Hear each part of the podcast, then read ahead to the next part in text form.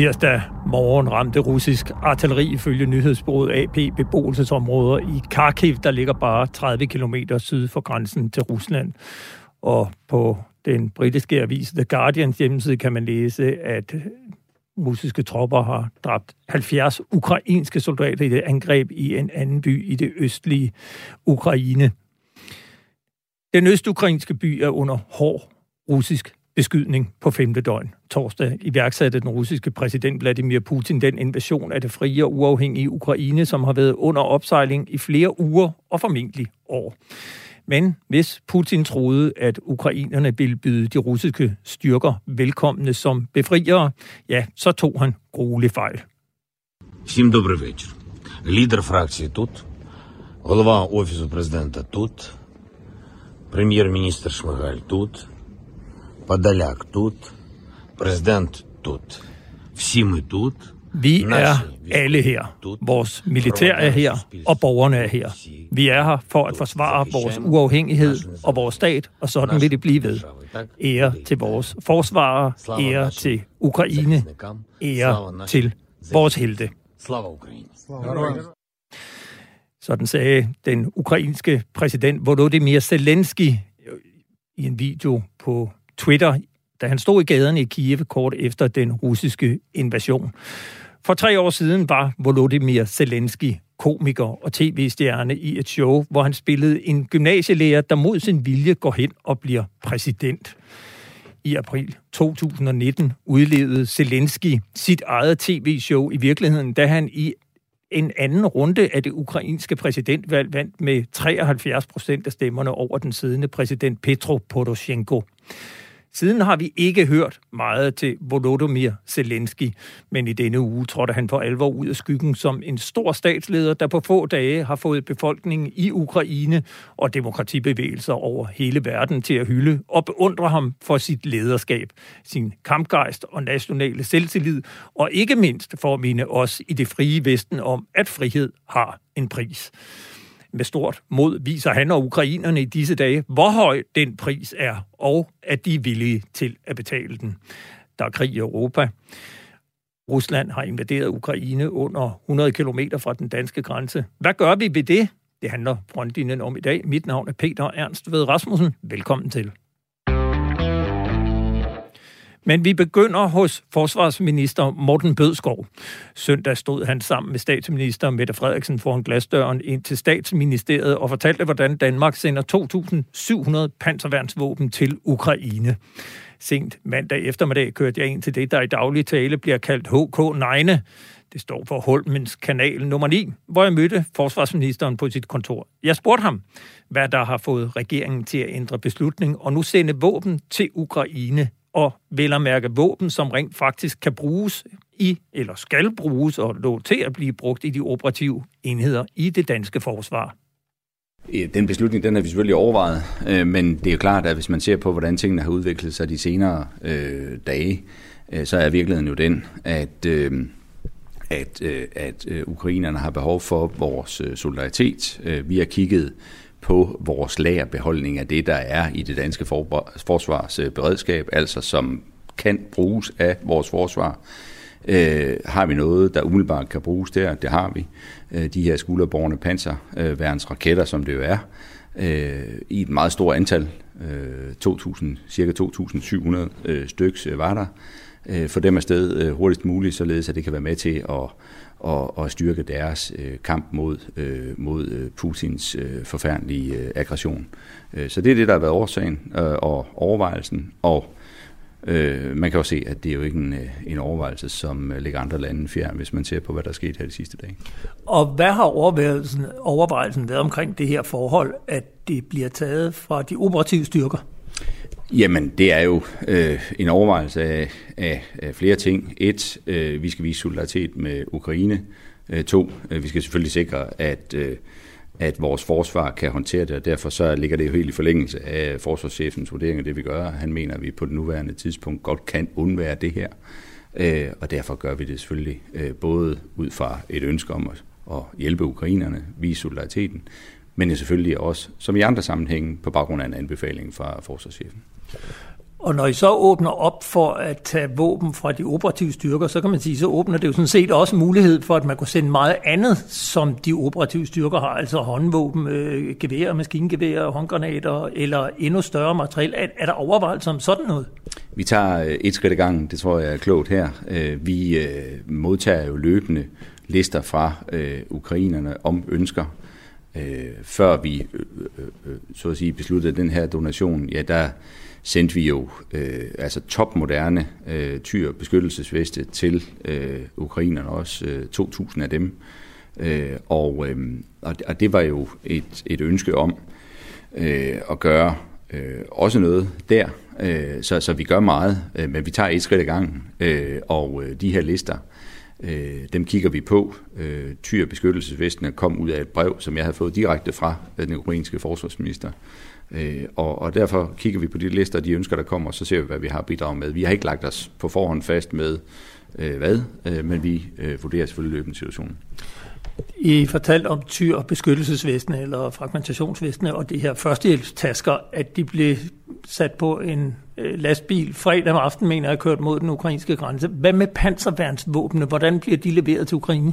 Det sker øh, meget, meget hurtigt, øh, og øh, og det er klart, at der er i, i den her type af sager, og det tror jeg også, øh, øh, der er forståelse for, der er der spørgsmål, som jeg ikke kan svare på af sikkerhedsmæssige årsager. Okay. Øh, det her er en meget alvorlig situation, vi står i, øh, men man kan være helt tryg ved, at, at, at både med den politiske beslutningskraft, der ligger bag, øh, den bredde, der er i Folketinget til, altså af opbakning til det her, øh, så har øh, leverancerne også selvfølgelig et meget, meget højt tempo.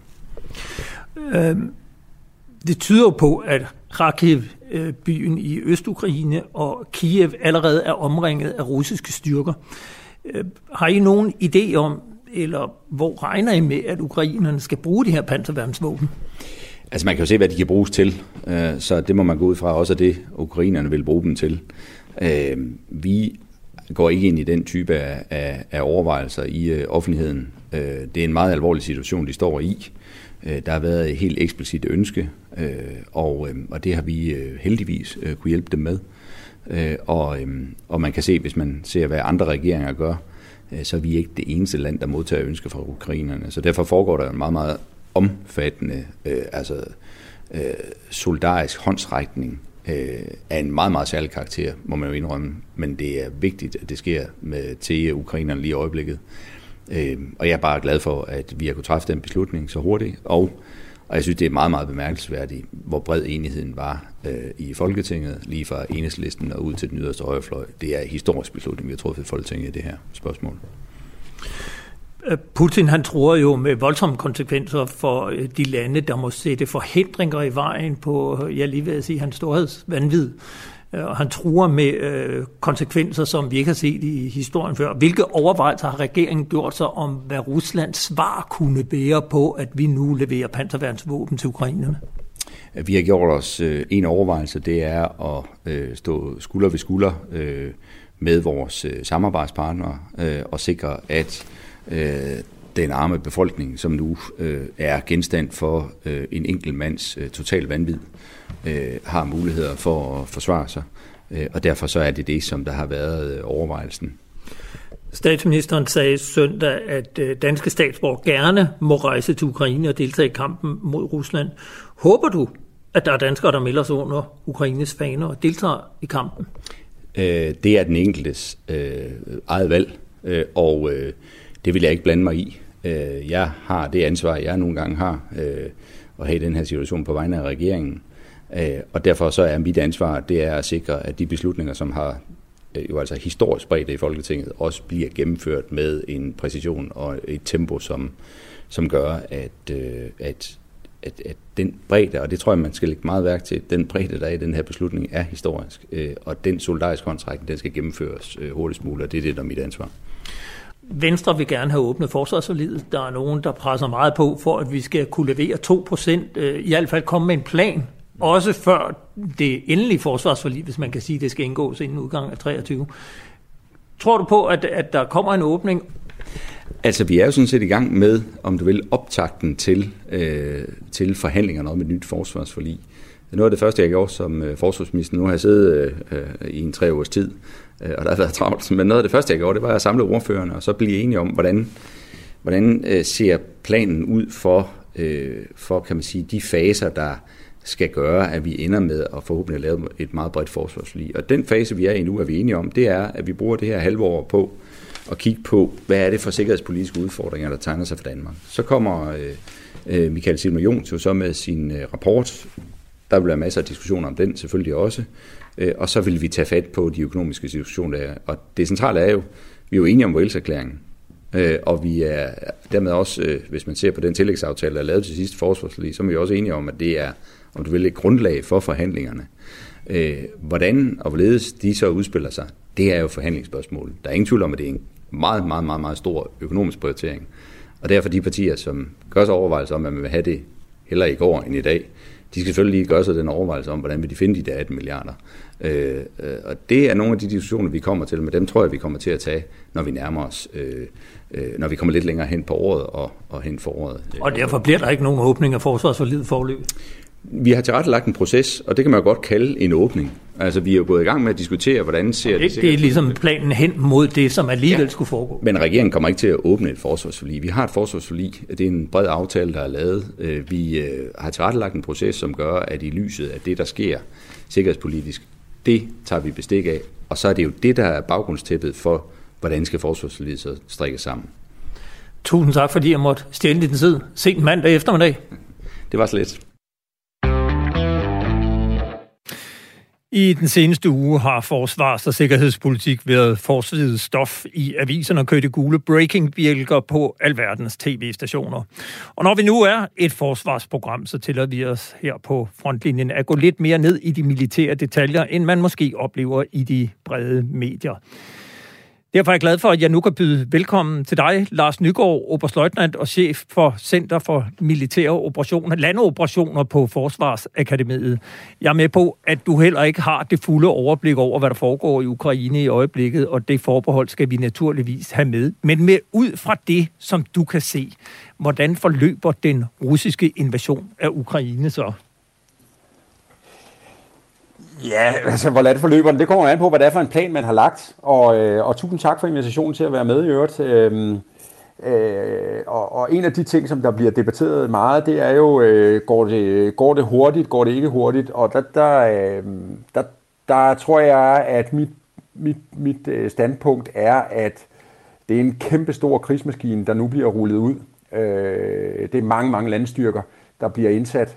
Øh, og og alle ønsker jo, når man, når man sætter sådan en, operation i gang, at det øh, foregår gidningsløst. Men der er heller ikke nogen, og slet ikke i øh, den, øh, den øh, russiske generalstab, der, der formentlig antager, at der ikke vil være øh, udfordringer med øh, at, at få det til at, øh, at spille af. Og man har jo angrebet fra, øh, fra flere forskellige retninger, øh, som jo også er en, øh, en interessant observation øh, at tage med nu. Ikke? Altså, så man har jo angrebet fra sådan store, tre store overordnede retninger, og man har angrebet i et antal akser.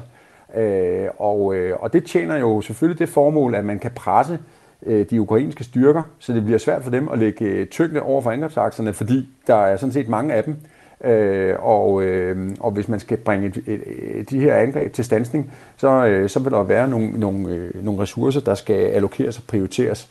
Omvendt, hvis man kigger på det, så, og det kan jo være, at det er det, vi ser nu, så er, er risikoen for den angribende part jo så også, at man i hver af de her akser rent faktisk vil møde øh, så substantiel modstand, at, øh, at man ikke øh, bare i anførselstegn kan, kan suge igennem. Øh, så, så det er der, hvor, hvor vi står og, og kigger på det, og jeg er ikke sådan tilhænger af, at det går godt eller skidt, eller det går langsomt, eller det går hurtigt. Øh, jeg er sådan lidt, lidt nøgtern til at sige, okay, øh, russerne de, de kan nok godt finde ud af at lave en, øh, en OK plan, øh, og lad os se, øh, hvor god den er, når, øh, når vi kommer længere ned ad vejen. Yes, jeg kan også byde velkommen til dig, Lars Møller, pensioneret oberst og tidligere chef for internationale operationer i Forsvarskommandoen. Deler du Lars Nygaards opfattelse, eller hvordan ser du på russernes militærplan for invasionens indledende fase? Har, har den fejlet? Nej, men generelt set er jeg enig med, med Lars. Øh, ja, det er jo godt, at man har to med så fornuftigt et navn i det her program. Men, øh, men altså, selvfølgelig kan man ikke begynde at sige rigtig noget nu. Vi skal jo bare lige huske, at øh, dengang øh, de allierede angreb Irak, så tog det jo altså 25 dage før de øh, havde afsluttet kampoperationerne. Så vi er, vi er først i den indledende fase i øjeblikket. Øh, men det, der øh, efter min mening er karakteristisk ved det her, det er, at ukrainerne ikke bare øh, er blevet kørt over. De har ydet øh, langt kraftigere modstand, end jeg tror, at russerne havde forventet. Og jeg er på russernes, øh, jeg er ret sikker på, at de ikke har styrker nok, russerne. Vi er i hvert fald glade for at have jer med, øh, som I kan med jeres faglighed kan nuancere, hvad det er, vi ser, og måske gøre os lidt klogere på, at det i virkeligheden ikke er øh, noget, som øh, går helt skævt, men måske i virkeligheden følger en plan. Inden vi dykker længere ned i den aktuelle situation, så vil jeg gerne gå lidt tilbage til udgangspunktet. Ifølge de vestlige efterretninger havde Rusland opmarcheret mellem 150 og 200.000 soldater, da russerne så gik ind i Ukraine. Det lyder jo ret voldsomt, men ifølge det ukrainske forsvar, så råder de over 245.000 aktive soldater og har yderligere 220.000 i reserve. Altså øjensynligt øh, to ukrainere per russer. Øh, hvor, Lars Nygaard, hvordan greb russerne øh, den indledende invasion an, sådan rent strategisk? Øh, ja, altså, der vil jeg jo sige, hvad, hvad så vi, og hvad så vi ikke? Øh, det, det øh, som jeg øh, tror, man kan være, øh, være, være ret sikker på, det er jo, at, at operationerne, de jo startede før øh, den, vi så de første kampvogne rulle over her for, øh, for fem dage siden. Øh, så man har jo haft, øh, dels har man jo haft styrkeopbygning, som du, øh, som du har refereret til her, men man har formentlig også jo haft øh, infiltreret det, øh, det ukrainske territorium øh, med specialoperationsstyrker, og man har øh, jo gennemført øh, formentlig en kæmpe informationsindhentning med de til rådværdige, øh, rådvær, de midler, man har til rådighed.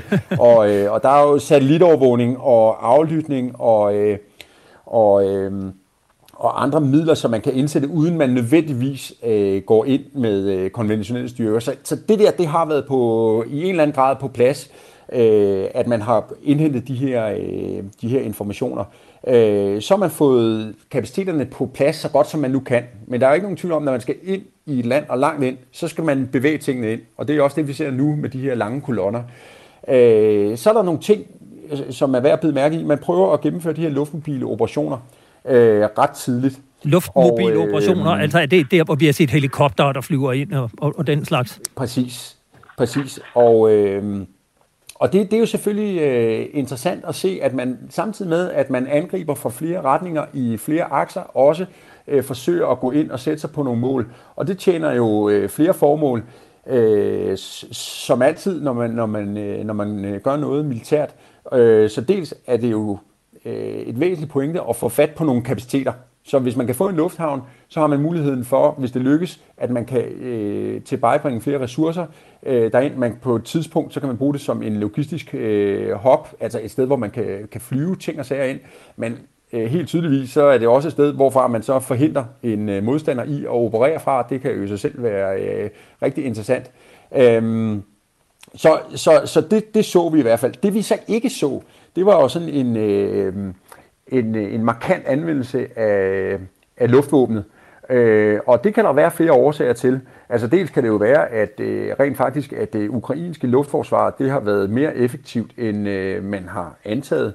Øh, så, så, så det er helt afgørende, når man laver en, øh, en, en landoperation, det er, at man har en eller anden form for overlegenhed i luften, fordi det at køre rundt, hvis modstanderens fly, de kan flyve øh, frit, og, og operere, det er, det er simpelthen en, en dårlig situation at, at havne i som, men, som men, men, part. Men, men lad, lad mig eventuelt lige stille den videre til, til, til Lars Møller og spørge, hvorfor har vi ikke set flere fly, end vi har set? Jamen, jeg, også her vil jeg give Lars ret i, at det kunne godt være, at ukrainerne ikke er helt så samarbejdsvillige om at blive nedkæmpet, som russerne havde forventet. Øh, fordi øh, de, russerne har ikke luftoverlegenhed. Og øh, så bliver det altså problematisk. Og hvor, øh, hvorfor har de ikke det? Er det fordi, at luftforsvaret er stærkt, eller er det fordi, de har et svagt luftvåben? Nej, jeg vil, jeg vil umiddelbart hælde til, at øh, det er jo fordi, ukrainerne har, øh, har gjort nogle ting, som har gjort, at de ikke har bare kunnet nedkæmpe øh, det ukrainske luftforsvar. Og det, og det er jo altså, vi taler om Ukraine, altså det er jo ikke sådan en, det er jo ikke sådan en lille bananstat. Altså, øh, Ukraine er dels på størrelse med Frankrig, øh, men, men de har jo også både deres egen produktion af, af, af tungt øh, krigsmateriel, øh, plus at de, altså, de har for eksempel næsten 3.000 kampvogne. Det er da altså en slat. Øh, så det er ikke bare noget, man lige gør her. Og jeg tror, at russerne simpelthen har troet, at det var et korthus, der ville blive som kul, så snart de rykkede ind over grænsen. Og det har det i hvert fald vist sig, at det er det ikke. Og så skal man lige se forskellen. Den ukrainske præsident, Zelensky, han er jo blevet i, i Kiev. Han har sagt nej tak til et amerikansk tilbud om at evakuere ham. Så han bliver og slås, og det er altså noget, der er godt for moralen. Og så skal vi lige huske, at, at det er jo ikke Frank Jensen, der sidder som borgmester i, i Kiev. Det er jo den tidlige verdensmester i, øh, i, i, i svævesboksning, Finsko. Og han har i hvert fald ikke til sinds at lægge sig ned, og i øvrigt også hans bror.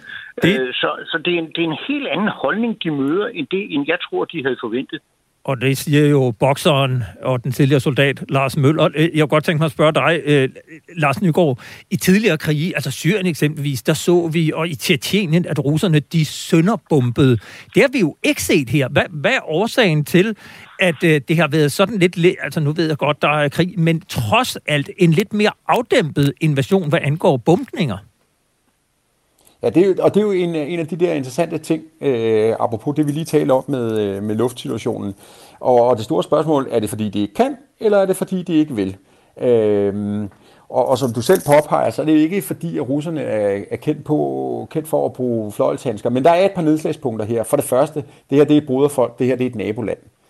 Altså, man skal, man skal, man skal jo øh, være noget øh, varsom i forhold til, hvordan man, øh, man agerer, uanset hvad for nogle politiske udmeldinger, der kommer.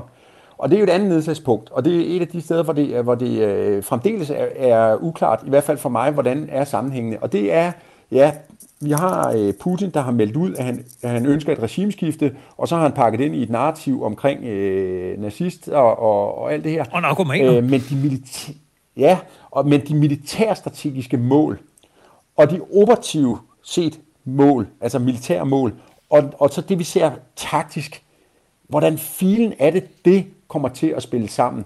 Og der, der tror jeg, altså det er også der, hvor jeg er lidt forbeholden for at sige, hvor står vi henne nu på dag 5? Er det godt, er det skidt, er det ikke? Og der, der, der, der vil jeg jo i hvert fald vende med at se, hvad er i virkeligheden de langsigtede mål og formål med det her?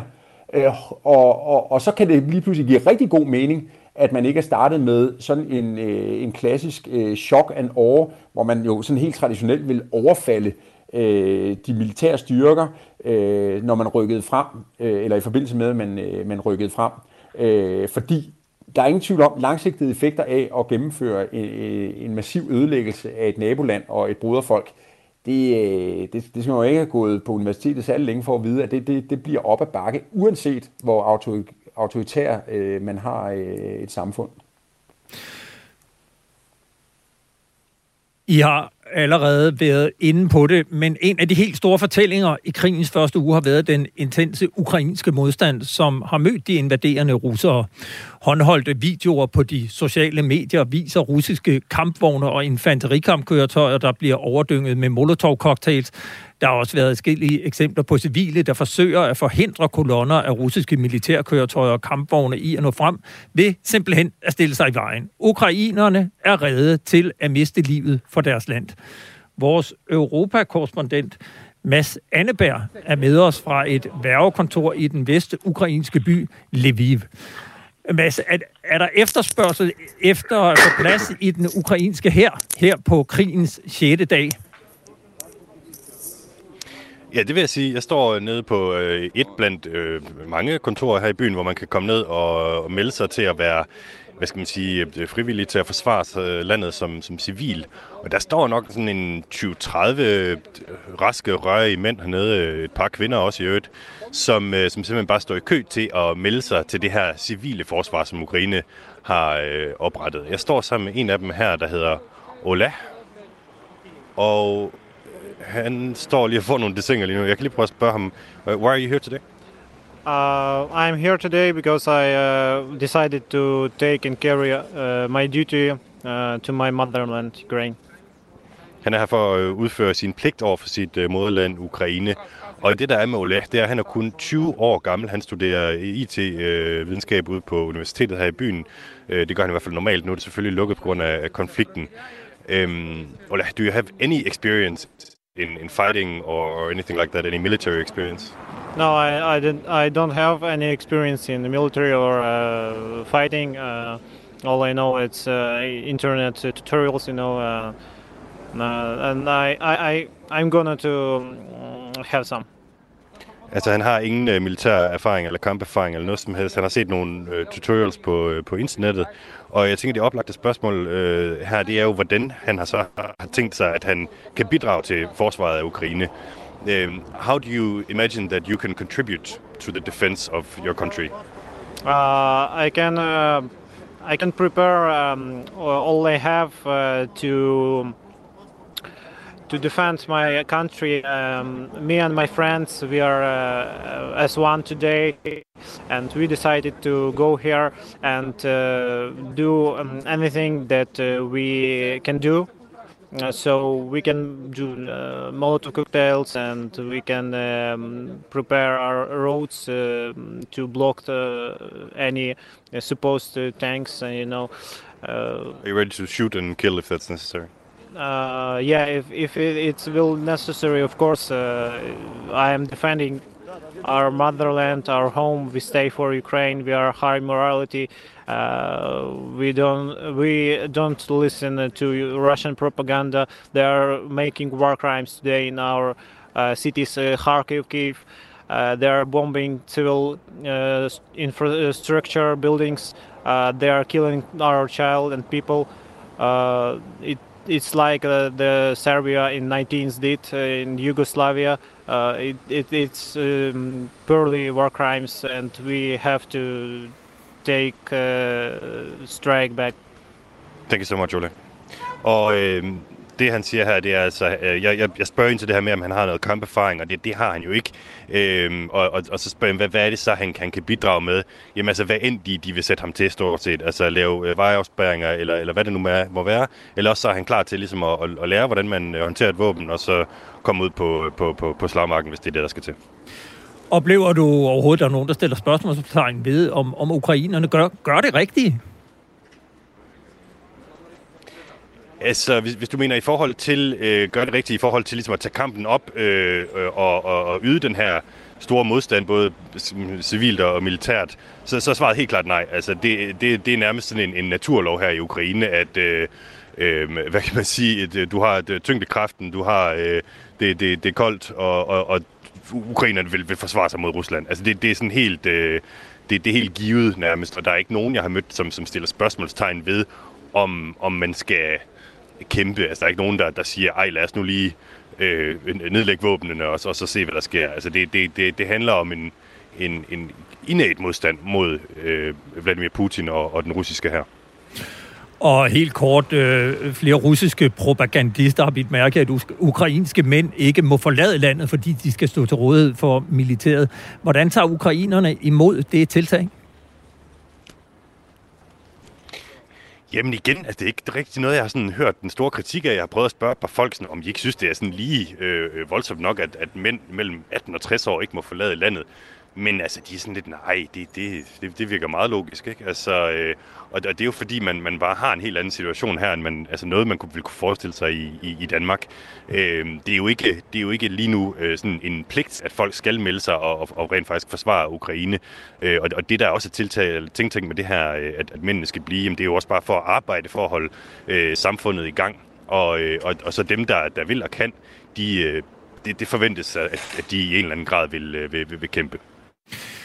Tak til dig for at være med, Mads Anneberg, Radio 4's europakorrespondent, direkte med fra et værgekontor i den vestukrainske by Lviv.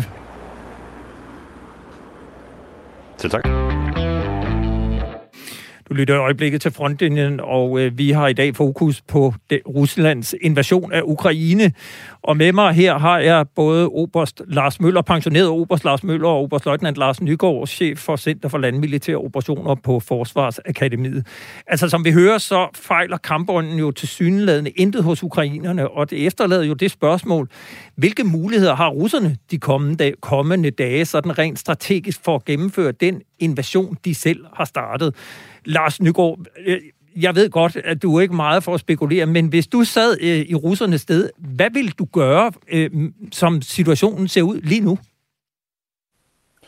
Jeg tænker i virkeligheden, at øh, måske inden vi går den vej, at vi skulle vende øh, det, som ukrainerne de, øh, de, de, øh, de gør nu. Øh, fordi det er, altså, det, det er ret interessant. Er det okay? Ja, det er fint. Til frem. Ja, ja, ja. Fordi jeg synes jo, at øh, når vi taler om sådan en total mobilisering af et samfund, så er det jo et, øh, det er jo grundvilkår for, for den angribende part, som vi så kan vende tilbage til, som er... Øh, altså, det kan betyde, øh, det kan betyde forskellige ting. Øh, anvendelsen af de her civile på, på, den lange, på den lange bane, så siger det jo noget om, hvad det er for en, øh, en, en situation, russerne kan ende ud i, og som Lars, påpegede, Lars Møller påpegede før, ikke også? Altså den her øh, frihedskamp i et kæmpestort øh, territorium, et kæmpestor geografi med store byer og mange mennesker, det er altså op og bakke at være besættelsesmagt. Øh, og på den korte bane, øh, som vi har været inde og berøre her, så giver det jo nogle muligheder i relation til bykamp, hvor man kan sige, altså normalt så vil man jo rigtig gerne have uddannede soldater, øh, når man skal til at lave lidt større manøvrer og lave ild og bevægelse og, og få de her teknologi, teknologiske systemer til at fungere. Det, det kræver rent faktisk, at man har øh, uddannet sig og uddannet sig godt i dem. Men lige netop, når det kommer til bykamp, så, så er der faktisk muligheder for med få midler at bruge øh, mennesker med kort uddannelse øh, til at opnå en ret stor effekt øh, på den måde, at der kan man jo bevæge sig i en by, som de kender. Man kan søge ned i, øh, i, i, øh, i, i hvad hedder det, i, i, i de bagerste dele af, af, af fjendens øh, enheder og overfalde dem. Og det har man jo set øh, talrige gange, hvor, hvor, hvor, hvilke muligheder det giver, øh, når man kommer til, til bykamp på at, at bevæge sig uset, som, som ikke nødvendigvis er, er noget, man kan ude på, på de store slagmarker. Så det, det, det giver dem altså nogle muligheder. Og så vil jeg så sige også, at hvis vi kigger på, på hele den strategiske kommunikation, narrativerne omkring det her, og kigger på kampkraft, så viser al erfaring jo, at soldater, de kæmper for to ting i hovedsagen. De kæmper for sagen, og de kæmper for hinanden. Og, og, og her, der, der har man jo ved at opbygge faktisk en øh, ret solid sammenhæng nu og her. Hvordan det så ser ud, hvis øh, russerne de, øh, de åbner op for, øh, for, for en, en, en mere markant øh, anvendelse af voldelige midler, det, det må vi så se, om det kan hænge sammen. Men som det ser ud nu, så har de jo, altså, der har de jo sagen Øh, hvorimod den russiske part, når man kigger på, hvad det er for et narrativ, de prøver at, at bygge op for deres styrker og kæmpe om, så, så virker det jo som om, at det, at det ikke rigtig hænger sammen, og hvilket kan gøre, at den kampkraft, som soldaterne de så udøver deres kamp med, den, øh, den, den, øh, den relativt set vil, vil veje over mod ukrainerne. Om det så kan bære i forhold til, øh, til den der øh, meget mere markante øh, ressource, øh, som, som, som de russiske styrker, de har, de, de, de i hvert fald potentielt har adgang til. Det må, det må tiden vise. Lars Møller, øh, pensioneret oberst. Nu har Lars Nygaard fint beskrevet her, hvad ukrainerne kan gøre, hvad det betyder for, for forsvaret Ukraine. Hvad kan russerne gøre for at øh, vinde den kamp? Jo, altså, igen bliver vi nødt til at vende tilbage til noget af det første, Lars Nygaard han sagde, nemlig hvad er deres plan? Fordi hvis de øh, har lavet en plan, der hedder, nu ruller vi over, og så erobrer vi hele Ukraine, så kan jeg sige med 100% sikkerhed, så tager de. Øh, fordi det kan de ikke. Øh, de bliver nødt til at efterlade styrker ved hver eneste vejknudepunkt, hvis de vil have forsyninger frem. Øh, for ellers der kommer de der øh, øh, civilt uddannede øh, soldater med deres med de panservandsvåben, vi øh, blandt andet selv sender til dem. Og selvom det er noget, altså det er ikke særlig effektivt, og de er kortrækkende, men hvis der er nok af dem, og, og hvis man ikke rigtig kan, kan tvinge de der øh, civile ud i, i, i et ordentligt slagsmål, altså efter regler og slagmarker og kommunikation, efter komme efter dig, men hvis de bare bliver udsat for sådan en hel masse baghold hele tiden, så, øh, så det går ikke. De har ikke styrker nok. De, de har, hvis de, hvis de har 120-200.000 mand, det kan man ikke erobre et land på størrelse med Frankrig, eller lidt større end Frankrig med. Det er umuligt. Og... Så det, russerne må gøre, det er, at de bliver nødt til at, at gå ind og så for eksempel sætte sig, som det er noget, der kunne tyde på, øh, gå ind og tage Odessa, det er jo nede sydpå, som de jo er på vej hen imod, øh, og så Kiev, og så øh, Kharkiv. Øh, og så må de så ligesom satse på, nu kan vi så erobre, og nu kan vi måske øh, få en eller anden aftale. Det tror jeg ikke, de kan. Men Lars Møller, her, det, du, du skal gøre det lidt kort her til sidst. Øh, hvor vigtig og hvor afgørende bliver den kamp, der kommer til at foregå i byerne? Kan Rusland vinde Ukraine uden at sætte sig på byerne? Kan vi undgå det ender med, med, med bykamp? Nej, det kan de ikke. Fordi hvis man kigger på, på kortet over Ukraine, så vil man jo se, at de store byer også er vejknudepunkter. Og man vil også se, at det mylder med floder, og i øvrigt har det regnet af helvede til, så de kan ikke køre ret meget uden for vejene. Så de bliver nødt til at sætte sig på de der vejknudepunkter, og, øh, og det er, som Lars Nygaard sagde, det er godt nok op ad bakke, hvis det er, at ukrainerne ikke ligger sig ned. Og det er der ikke noget, der tyder på, at de gør. Og Lars Nygaard, her til, øh, her til, til allersidst. Har du nogen vurdering af, hvad der kommer til at ske?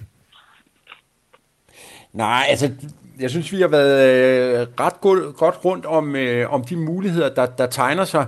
Øh, og, og jeg synes, at Lars Møller, han, øh, han rigtig godt riser op, hvad, hvad er, hvad er øh, hvor, hvor vigtig er infrastrukturen omkring det her, mm. og, og også referere til, til det der med, hvad er det egentlig for en plan, der bliver rullet ud foran os nu. Øh, så, så, så, så jeg vil ikke, altså jeg vil, jeg vil vente og se, så, og så, så sige, jamen, men er vi så, i gang med at se, at, at man tager nogle taktiske ja. mål, der i virkeligheden Lars, jeg er øh, nødt til at en, en, øh, afbryde dig her, fordi vi skal også lige omkring Leif Davidsen, men, men lad mig bare afslutte med at sige tusind tak, fordi vi måtte ringe jer op og, øh, og høre jeres vurdering af, af, hvordan det står til i Ukraine. Tak til jer begge to. Velbekomme. Velbekomme. Vi skal nu vende blikket mod Rusland og prøve at forstå, hvad det er, der foregår i Rusland inde i Kreml hos præsident Putin og ude i den russiske befolkning. Til at hjælpe os med det har nu fået besøg af dig, Leif Davidsen. Velkommen til. Tak for det. Du er uddannet journalist, og i 1980'erne DR's korrespondent i Moskva, men nok mest kendt i den brede befolkning som forfatter til et utal af fremragende spionromaner med udgangspunkt i Sovjetunionen og Rusland. Jeg kunne godt måske indledningsvis tænke mig at spørge om dine egne øh, bekendtskaber og venskaber. Kender du stadig folk i Rusland? Har du forbindelse til, øh, til russere i øjeblikket? Ja, der er ikke så mange tilbage. Altså, jeg, jeg bliver 72 til sommer, og russerne har ofte levet et hårdt liv. Så mange af dem, jeg kendt mange år tilbage, er altså ikke i denne verden længere, og en hel del af dem, må jeg så også sige, fordi de jo ikke har været tællinger, at præsident Putin befinder sig i USA og og London og ja. sådan nogle steder. De er draget i eksil og bidrager så i de samfund. Det er jo kendetegnende for Rusland, det er gået glip af meget talent de sidste 20-25 år. Det må man sige ja til, men dem du så taler med, eller har forbindelse med, hvad fortæller de om situationen i Rusland? Jamen altså, dem jeg kender, vil jeg godt sige, det er jo folk, som, øh, som ikke støtter det her, og de heller ikke støtter præsident Putin. De er måske nok et mindretal. Det er jo svært at få, finde ud af. Jeg venter stadigvæk på, at den her, det her meget anerkendte meningsmåling, Institut Levada i øh, Moskva, laver en undersøgelse af støtten til krigen. Øh, så jeg synes, det er virkelig svært. Det, det har virkelig overrasket mig, at der har været demonstrationer over hele Rusland mod krigen. Fordi øh, det er farligt at demonstrere, det kan koste rigtig mange penge og øh, du kan komme i fængsel. Nogle af dem er allerede fængslet i de her berømte, berygtede 15 dage, man får bare helt per automatik. Så jeg prøver også at følge med gennem, gennem medierne, som jo øh, fuldstændig nu er, i hvert fald de statskontrollerede, det jeg kan se, er som i tilbage i sovjettiden. Altså, nu er det ikke engang ligger længere en til, tillæmpet propaganda. Nu er det altså ren propaganda. Jeg kan nævne et eksempel, jeg så her. Det var, man øh, har måske hørt om den her ø, der blev bombet. Øh, og ukrainerne sagt... I Sortehavet. Ja, alle døde og 13 helte og sådan noget. Der har, øh, så jeg russisk tv køre en reportage, der handler om, at de er bragt til Sevastopol, og de har fået tøj og mad og, og, og vand, og de har det rigtig godt, og det er noget meget fint, og at vi behandler alle godt, og, og så videre. Altså, sådan er det hele vejen igennem. Så den, den der massive propaganda, Svindel hvor jo, øh, hvor jo også uafhængige aviser som Novaya Gazeta og radiostationen øh, Eko har fået besked på, at de skal fjerne alle ord, det, det, al krig, al invasion, og selvfølgelig russiske tabstal. Og øh, så, så hvor meget påvirker det? Den sofistikerede bybefolkning påvirker det ikke. Den propaganda, og de unge måske også i mindre grad, de er på nettet, de ser ikke Flow TV, men det, hans ryggrad, hans støtter ude i provinsen, de tror nok gennemgående på medierne. Men virker hans propaganda? Altså, jeg, jeg, jeg synes, der er tegn på, at øh, ja, ja, altså, ja, den virker ude i, i provinsen. Ude blandt de mennesker, hvor jeg måske 80 I de procent får alle Rusland. deres, øh, deres informationer fra Kanal 1 på, på, på, på russisk stats-tv. Ikke de unge, som jeg sagde. Og der er jo noget, som nu øh, påvirker øh, folks holdning til det her. Og det ene er jo, at øh, da, da bankerne åbnede her til morgen, der styrtdykkede rublen altså med 20-30 procent, og folk har stået i kø for at hente deres penge. De trækker så mange penge ud, de kan, og så køber de smykker. Jeg hørte i dag fra Moskva, at smykkeforretningerne stort set er tomme, fordi man har køber, køber ting, der kan, har værdi, fordi man regner med, at pengene i morgen er mindre værd. Og det er jo, det er jo sådan noget, som, øh, kan man sige, almindelige mennesker mærker hårdt. Og de har prøvet den der hyperinflation og pengemangler en gang før i 90'erne, og det er der jo trods alt mange, der stadig er i live, der kan huske. Så det tror jeg er meget negativt over for herr Putin. I mange år, der troede vi jo, at vi kunne samarbejde med Ja. Putin, og vi har jo rent faktisk samarbejdet med Put- Putin. Altså, det er jo først her i weekenden, at Tyskland har opgivet ja. den energipolitik. Vi har købt masser af russisk naturgas, og der er jo mange, der hele tiden har prøvet at sige, at vi skal gå på to ben, vi skal være hårde, men vi skal også samarbejde med, med Rusland. Og nu er han jo så øh, gået i gang med den her invasion af, øh, af, af Ukraine, og har fået voldsomme reaktioner. Ikke krig endnu fra Vesten, men dog sanktioner, og der bliver sendt våben til Ukraine. Ja. Ingen gasledning. Ja. Tyskland vil øge sit forsvarsbudget til 2% og Ja. giver en saltvandsindsprøjtning på Ja, 100 ja, og mi- også- milliarder euro. Ja, ja. Har Putin forregnet sig? Jeg tror, at han har forregnet sig på faktisk to punkter. Den ene punkt, det er, øh, han havde, jeg tror ikke, at han, og måske heller ikke hans generaler, og hvad de har sagt til ham, ved du og jeg jo ikke. Men jeg tror, at han er vildt overrasket over den enormt hårde modstand, som ukrainerne fra dag 1 har vist, altså på slagmarken. Jeg tror, de har kalkuleret med, at i hvert fald det østlige Ukraine, det er gammelt russisk område. De har været i øh, union med Rusland i 300 år, og der vil vi nok mere eller mindre blive helt som befriere. Og i stedet for, at de mødes meget hård modstand. Der, jeg tror virkelig ikke, at øh, han har regnet med det. Så tror jeg også, øh, han har forregnet sig meget kraftigt på EU, Vestens og USA's meget stærke reaktion og sammenhold. Jeg tror, han har kalkuleret med, at øh, det går nok ligesom øh, i, i, øh, i øh, med Krims annektering og Østukraines besættelse i 14-15, det er, at de farer op, og de råber, og de siger ord, men i sidste ende kan de ikke blive enige, og dermed så æbber det hele ud. Det er sket før, det skete i Georgien i 8, det skete i, omkring Ukraine i 14. Der tror jeg også, han har forregnet sig over det. Altså en meget voldsom reaktion. Og jeg var personligt ved at tabe øh, næse og mund, hedder det hvis, da jeg hørte Scholz's tale. Det var jo altså 75 års Ja, altså det nye tyske sikker- socialdemokratiske kansler, ja. Ja. som pludselig gør op med 75 års 75 øh, års øh, tysk sikkerheds- og udenrigspolitik blev bare smidt ud øh, øh, på en meget, meget markant måde. Ja, og, og, og, og det han jo siger, det er, altså for det første, vi stopper naturgassen fra ja. Rusland, ja. vi hæver Ah, de stopper Nord Stream. Ja, stop, To. stop, stopper Nord Stream 2, Man kan ikke undvære den russiske natur. men, men i hvert fald øger øh, forsvarsbudgetterne ja. markant og sender våben, altså 500 stingermissiler Ja, det og er helt 1000 pan, pan, panserværnsvåben. Der er mange små ting i det her, som, man, som jeg, hvis man, jeg sad i Kreml, jeg vil undre mig over. Altså, folk, man kan jo sikkert godt huske, at det var en, en kriminel handling at tage ned og, og, og slås i Syrien, hvis man nu havde den indstilling, at man gerne ville bekæmpe øh, enten det ene eller andet. Det var jo ulovligt. Men nu hørte statsministeren i går sige, at det er helt lovligt at tage ned og slås for Ukraine. Øh, og ellers har vi altid forbudt det. Man kan bare gå tilbage til den spanske borgerkrig i 1936, hvor det jo også var ulovligt for danskere at tage ned og slås. Der stod i vores pas, det der pas gælder til alle lande, undtagen Spanien. Ikke? Så her er der, jeg tror slet ikke, han er forestillet den her lavine, der er rullet ind over hans land, og jeg tror i sidste ende, han har lavet sit livs største fejltagelse. Altså her i landet, der kender vi jo lidt til den russiske ambassadør Vladimir Barbin, og, ja. og vi kender jo fra den internationale scene Lavrov, den russiske udenrigsminister. Ja. Øh, hvor meget tror du, at de her mennesker, der er tæt på ham og tæt på Kreml, i virkeligheden øh, bakker ham op i det her, måske har rådgivet ham til at gøre det, han gør, og hvor meget er det hans eget værk, hvor han bare dikterer, sådan hvad er det? Det er jo det, et af de store spørgsmål, jeg er sikker på, efterretningstjenesterne over hele verden og udenrigsministerierne sidder op og spekulerer, spekulerer over, hvad er beslutningsgangene i Kreml, øh, hvem rådgiver ham, øh, hvor meget lytter han, og hvor meget er hans enrådige beslutninger.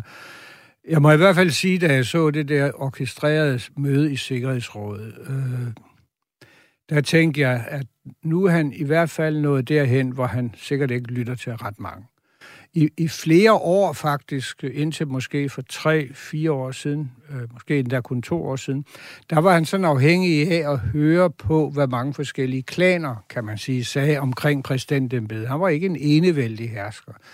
Det var selvfølgelig det, man kalder på russisk silovoki, altså sikkerhedstjenesterne og militæret, men det var også liberale økonomer og forretningsfolk, der, der sagde, at vi kan ikke nytte noget af det her, vi skal have vores økonomi reformeret. Der var mange forskellige, og i dag virker det som om, han kun lytter til magtministeriet og til øh, øh især Sikkerhedstjenesten, som han selv er rundet af. Men jeg var meget, meget øh, rystet over at se de der skolebørn, der gik op til øh, rektor og fik en reprimande, hvis de ikke udtalte sig, som det var aftalt, og som de havde lært, det skulle sige. Altså, det var rent faktisk øh, det har sikkert mange set, chefen for det, det der svarer til det danske FE, som blev sat på plads, ja. fordi han tillod sig ikke at sige præcis det, der var lært. Og han stod jo og var virkelig, som jeg tror, du brugte udtrykket, befippet, ikke? Øh, og det mindede mig altså om beretninger og film, både dokumentarfilm, men også spillefilm, hvor Stalin er med, den store russiske diktator, hvor man jo har set folk begynde at ryste ubehersket, hvis de ligesom føler, at de har sagt noget, som ikke pleaser diktatoren. Og den fornemmelse havde jeg her. Og så, så lyder det som om, at øh, beslutningerne i sidste ende tages helt enerådet af Vladimir Putin. Vi har også hørt ham øh, ved her, hvor han sad op og, på tv og forklarede, hvorfor han nu var gået ind ja. i øh, Ukraine at sige, at øh, hvis der blev lagt forhindringer i vejen for hans ja. Projekt her, så ville modstandere blive ramt med konsekvenser, vi aldrig før har set i historien. Hvad tænker han på der? Ja, der tænker han jo helt klart på atomvåben, som jo heldigvis aldrig har været brugt i Europa. Ikke? Så... Og hvor, hvor alvorligt skal vi tage den trussel? Altså, jeg kan forestille mig meget, når det angår Vladimir Putin. Jeg kan ikke forestille mig, at han vil bruge atomvåben og jeg håber, Øh, der er trods alt sket meget, også positivt i Rusland siden Sovjetstyrets fald, at der vil være basindige folk omkring ham. Blandt andet nogle generaler, som jo ved måske mere om, hvad sådan noget indebærer end Putin selv. Og at, øh, at det vi ville, hvis det virkelig gik så galt, tage koderne fra ham til, til våbne, fordi kan godt være, at Rusland besidder ufattelig mange øh, atomvåben, men det gør Amerika jo også, ikke? Og det vil jo blive Ragnarok og hans eget lands udslettelse, og måske vores udslettelse.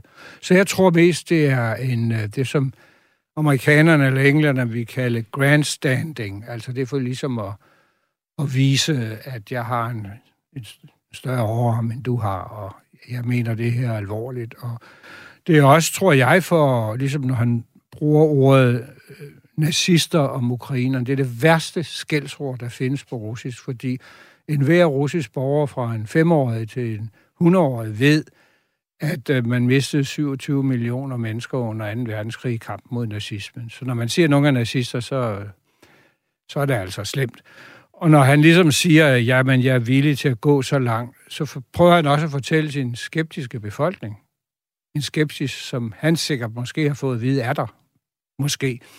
At øh, det her er altså alvorligt, og de, de er altså ude efter at tage mod Rusland, og derfor er jeg villig til at bruge alle, alt for at forsvare Rusland.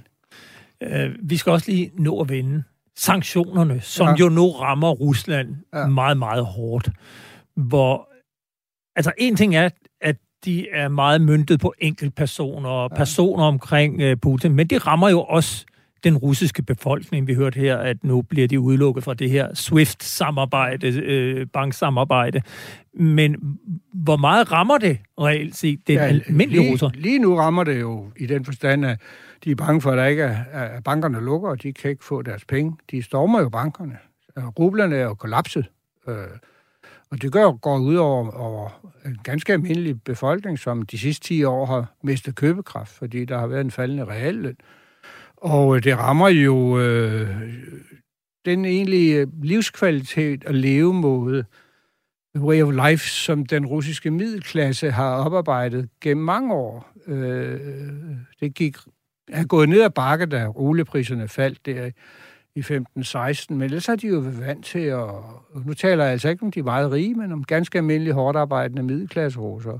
De har været vant til at have en, en sommerferie i ved, ved, øh, i Paris, øh, en, eller en bytur til London, øh, og om vinteren har de da som regel haft 14 dage i Thailand. Alt det er jo på mange måder forsvundet på grund af rublens værdi er faldet, og det vil jo være endnu mere umuligt nu. Jeg kan heller ikke lade være at tænke på i dag, at jeg hørte om de der, øh, at, øh, og det tror jeg også vil rykke ved nogle af, af, af, af, i hvert fald den støtte, der måske er i den lidt ældre generation. Pandemien, der har været hård ved Rusland, covid-19, ikke?